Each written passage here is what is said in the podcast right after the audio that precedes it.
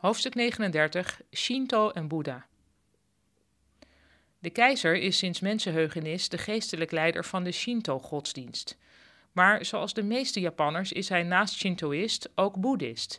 Deze twee godsdiensten bestaan in Japan naast elkaar en sluiten elkaar niet uit. Overal in het land zijn boeddhistische tempels en Shintoïstische tempels en de meeste Japanners bezoeken beide type tempels.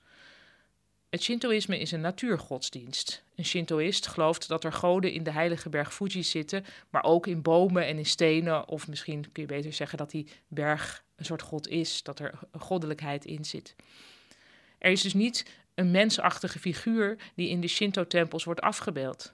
Wel staat er altijd een duidelijk herkenbare poort voor zo'n tempel, waardoor je weet, dit is Shinto. En ik zal het even beschrijven, want ik heb er een tekening bij gemaakt. Het is een soort van poort met, waarbij de bovenbalk zo'n beetje schuin omhoog gaat aan twee kanten.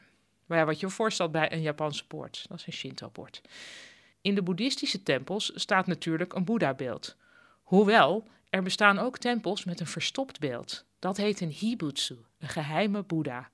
Die wordt dan bijvoorbeeld eens in de 500 jaar getoond. Dit vind ik geweldig aan Japan.